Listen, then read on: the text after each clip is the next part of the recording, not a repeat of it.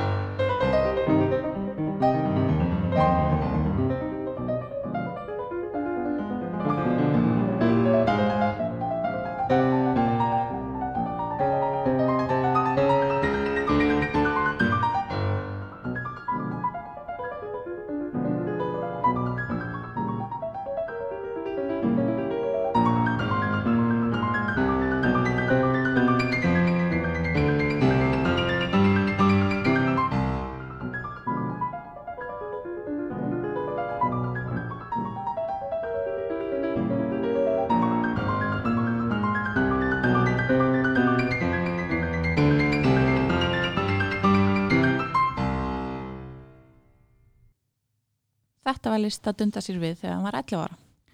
Ég var persónulega meira í að leika mig með Bratz og horfa á Pop TV en á misjöfnu þrýfast börnin best. Árið 1827 lést fadir List skindilega úr taugaveiki og List og móður hans fluttu þá til Parísar. List aflaði tekna fyrir sig og móður sína með því að kenna píjónuleik og tónsmíðar. Nefnendur hans voru víða dreifum París og útkverfi hennar svo hann þurfti að ferðast um langar vegalengdir oft í viku, stundum oft á dag og þetta gerði hennum unga kennara erfitt fyrir að halda rútínu. Hann leitaði í áfengi og reykingar á þessum tíma en sá ávani átti eftir að fylgja hann um alla æfi. Þegar hann var búin að vera ári í París, þá 17 ára, var þann ástfangin af einum nefnda sinna, Caroline Dussaun Crank. Fadir hennar, sem var ráðherra í frönsku ríkistjórnini, var mjög mótfallin sambandið þeirra og sá til þess að ekkert var úr því. List tók þetta svo næri sér að hann var líkamlega veikur Svo veikur að hann var talin af og það var byrt dánartilkynning um hann í frönsku dagblæði. Hann samti lítið sem ekkert á þessum tíma. Það var ekki fyrir hann árið 1832 þegar hann var 21 árs að hann fór á tónleika með ítalska fylgjustnýtlingnum Niccolo Paganini og fann ástriðuna fyrir tónlist á ný. Hann var alveg heitlaður af hæfileikum Paganinis á fylguna og vildi ná sömu hæfni á hann á píanóið. Paganini veitti list líka innblastur þegar kom á tónsmíðum en árið 1838 samt hann sex etíður upp úr verkum Paganinis sem hann tilengaði vinkonu sinni Klöru Sjúmann sem var virt tónskald og pianoleikari. Etíðurnar eru frægar fyrir að vera mjög krefjandi í flutningi en þær voru enþá erfiðari einu sinni svo útgafa sem er yfirleitt flutt í dag er endurskoðuð og einfölduð útgafa sem leist laug við árið 1851. Af þessum etíðum er svo nummið þrjú í gísmól líklega vinselust. Við skulum hlýða á hana.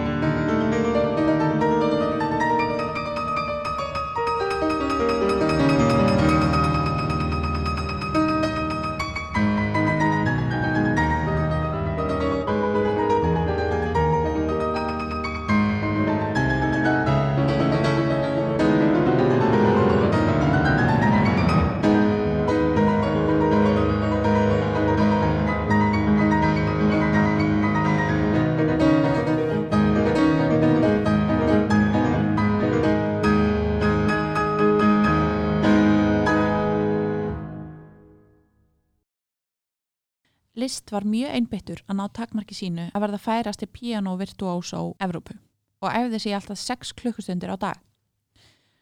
Það var mikil gróska meðal pianoleikara í París á þessum tíma en þeir keftust við að þróa nýjar aðferðir til að spila flóknari og hraðari verk en áður þekktist.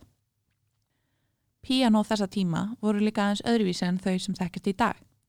Viðkvamari og það var ekki hægt að hamast á þeim á sama máta og nú tíðkast. List let það þó ekki stoppa sig og var þekktur fyrir að slíta strengi á flyglunum sem hann spilaði á á tónleikum. Offorsið var þvílíkt. Meðal þeirra ungu píjánuleikara og tónskálda sem settu svip á París þessa tíma auklist var henn ungi Fredrik Chopin en þeir list urðu nánir viðnir og höfðu mikil áhrif á tónlistkvars annars. Árið 1833, þá 22. var list aftur ástfangin. Í þetta skipti var það hinn 28 ára gamla Marie Dagout sem var á þeim tíma betur þekkt sem Daniel Stern en hún, líkt og kærasta Chopin á svipum tíma, George Sand, var reythöfundur og notaði Karlkins skáldanafn. Marie var reyndar gift á þessum tíma, var með að segja greifænja og átti tvei börn með einmanni sínum. En hún var alveg heitlega list og flutti í burt frá manni sínum og börnum og inn til list árið 1835. Í desember það ár fættist fyrsta barn þeirra, Blandín.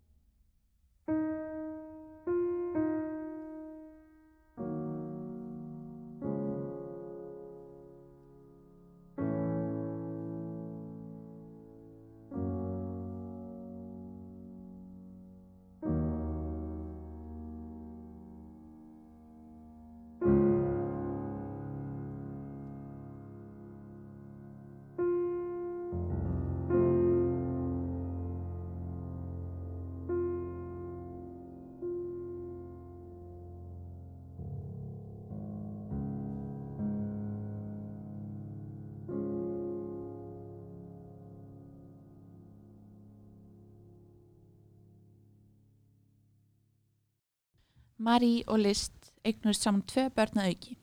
Cosimo sem fættist árið 1837 og Daniel árið 1839.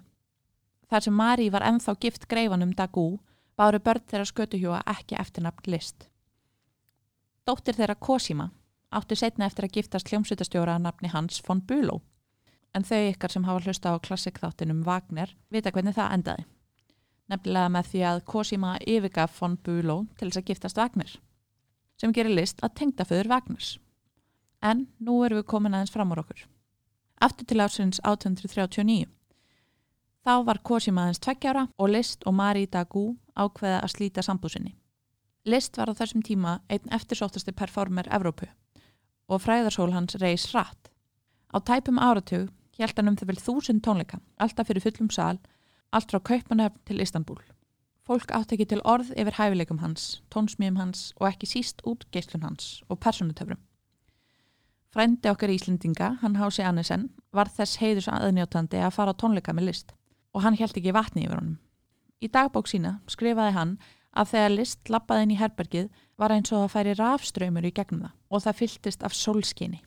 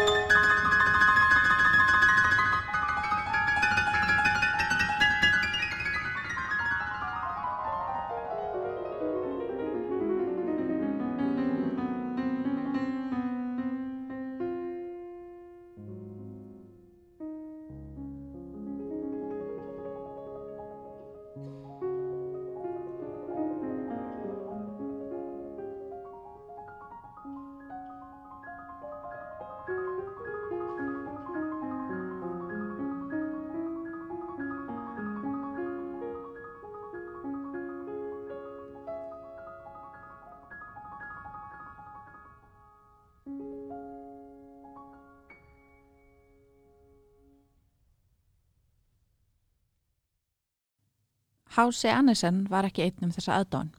Því Evrópu greip um sig þar sem þá var kallað listomania, sem var sannkallaður fyrirrennari bítlamanníunar frægu á 20. öld og síðar The One Direction Infection á þeirri 21.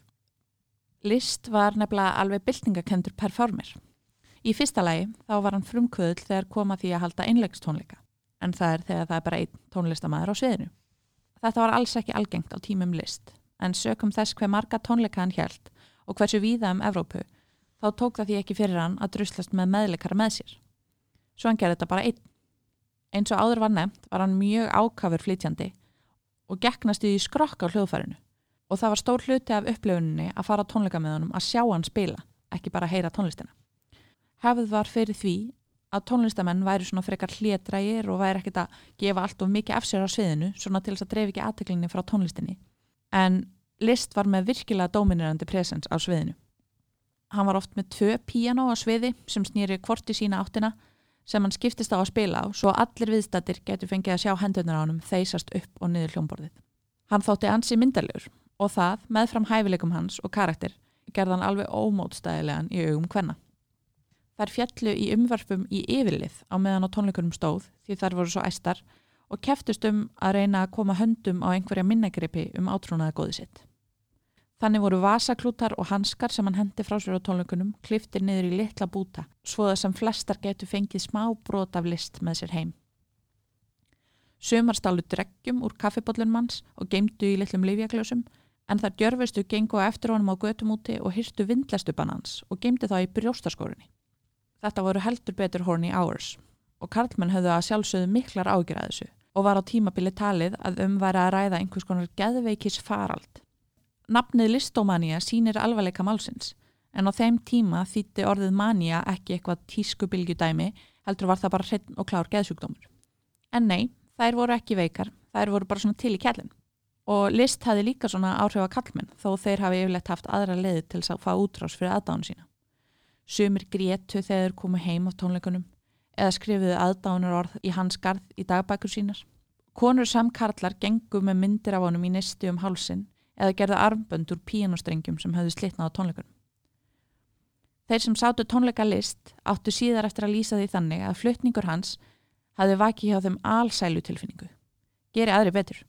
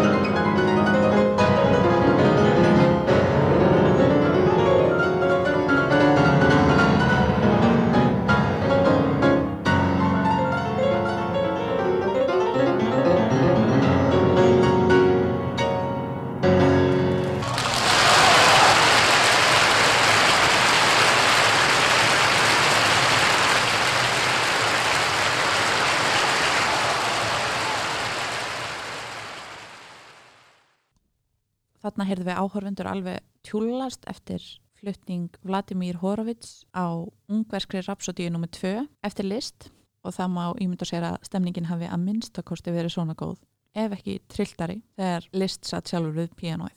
En það sem var merkilegt við þannan æsing og hysteríu er að það var eiginlega ekkert fordæmi fyrir þessu.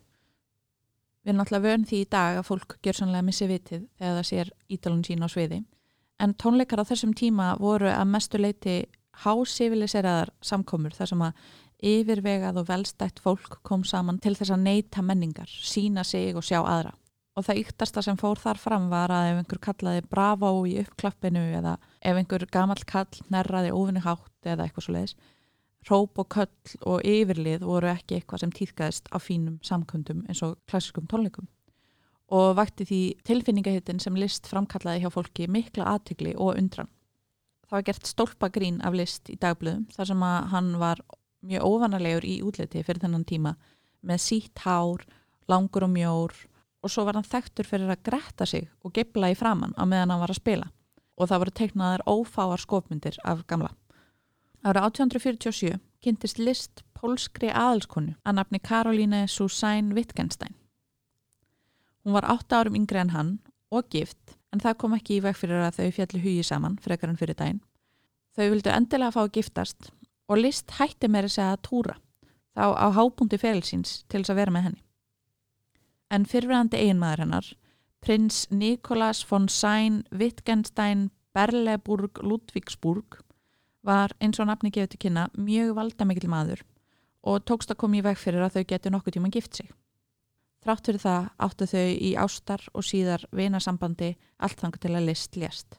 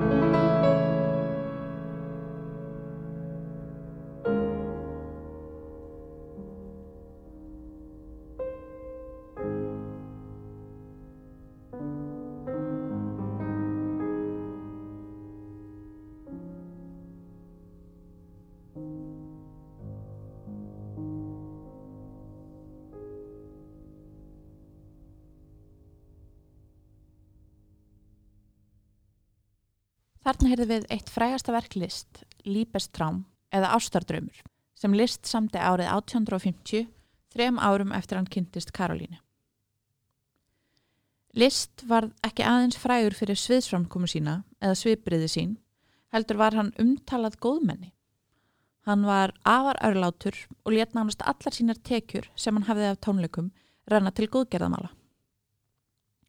Málefni og verkefni sem hann styrti voru meðal annars tónlistaskóli Ungverjalands, Domkirkjan í Köln, fjöldi spítala og annara skóla, eftirleunasjóður tónlistamanna og þar að auki helt hann marga tónleika til styrtar þeirra sem mistu heimili sín í brunanum í Hamburg árið 1842 en hann stóð yfir í þrjá daga og þúsundir manna mistu heimili sín.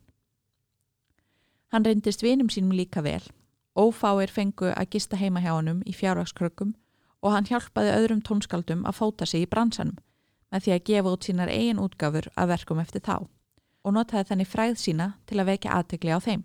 Eitt þeirra sem fekk slíkt trítment var Ríkard Wagner.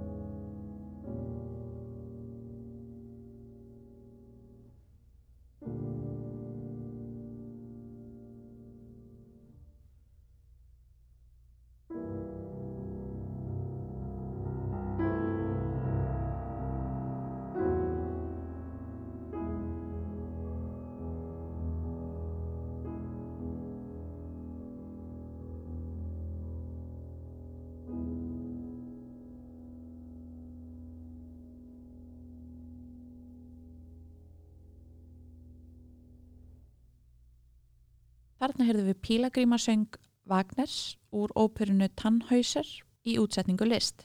En forlegin verðluna ekki alltaf góðmennsku.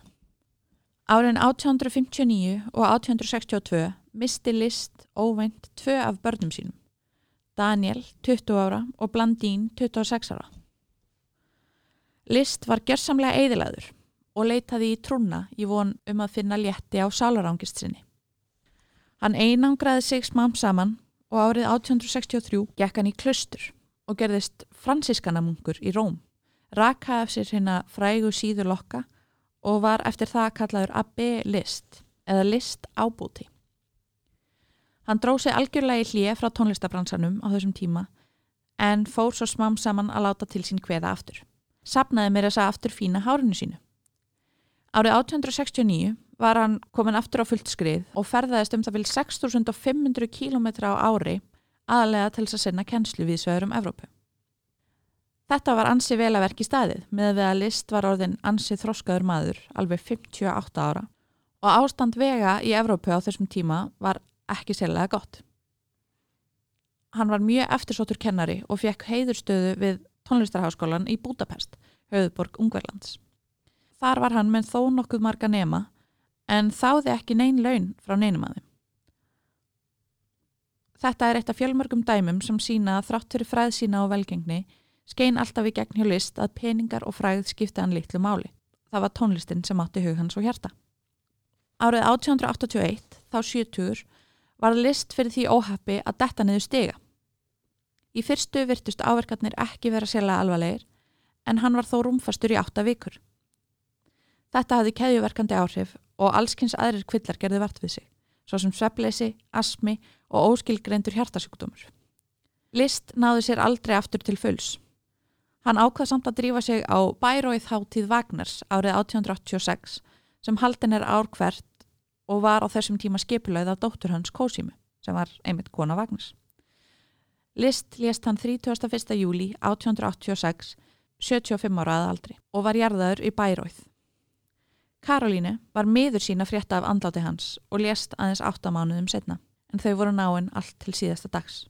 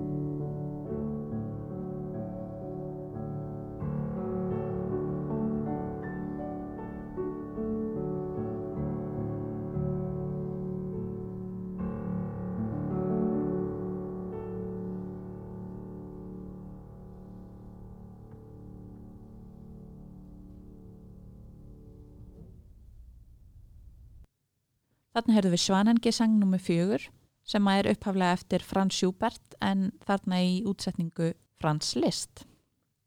Eins og áður sagði var Liszt afar vinamarkur og gjafmöldur maður.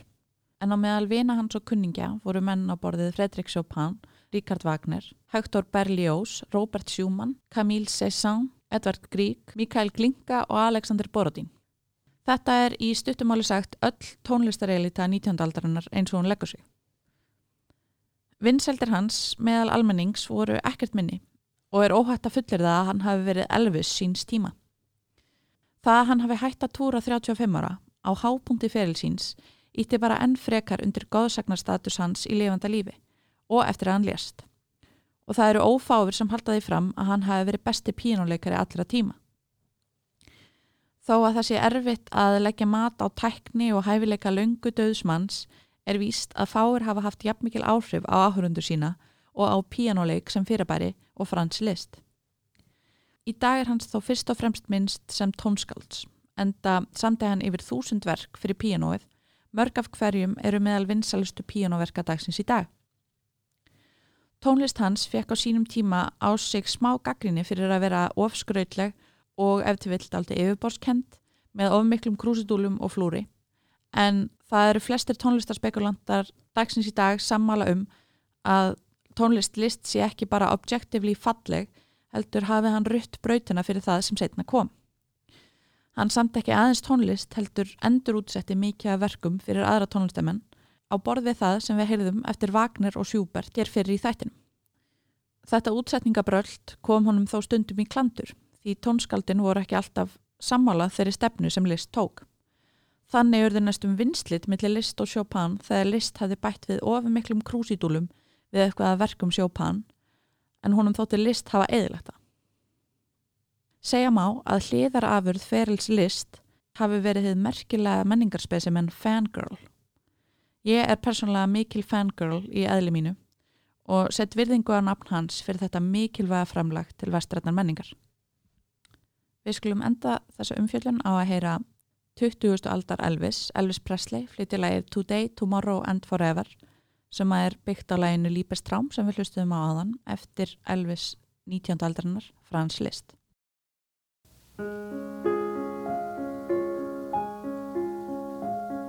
I give give you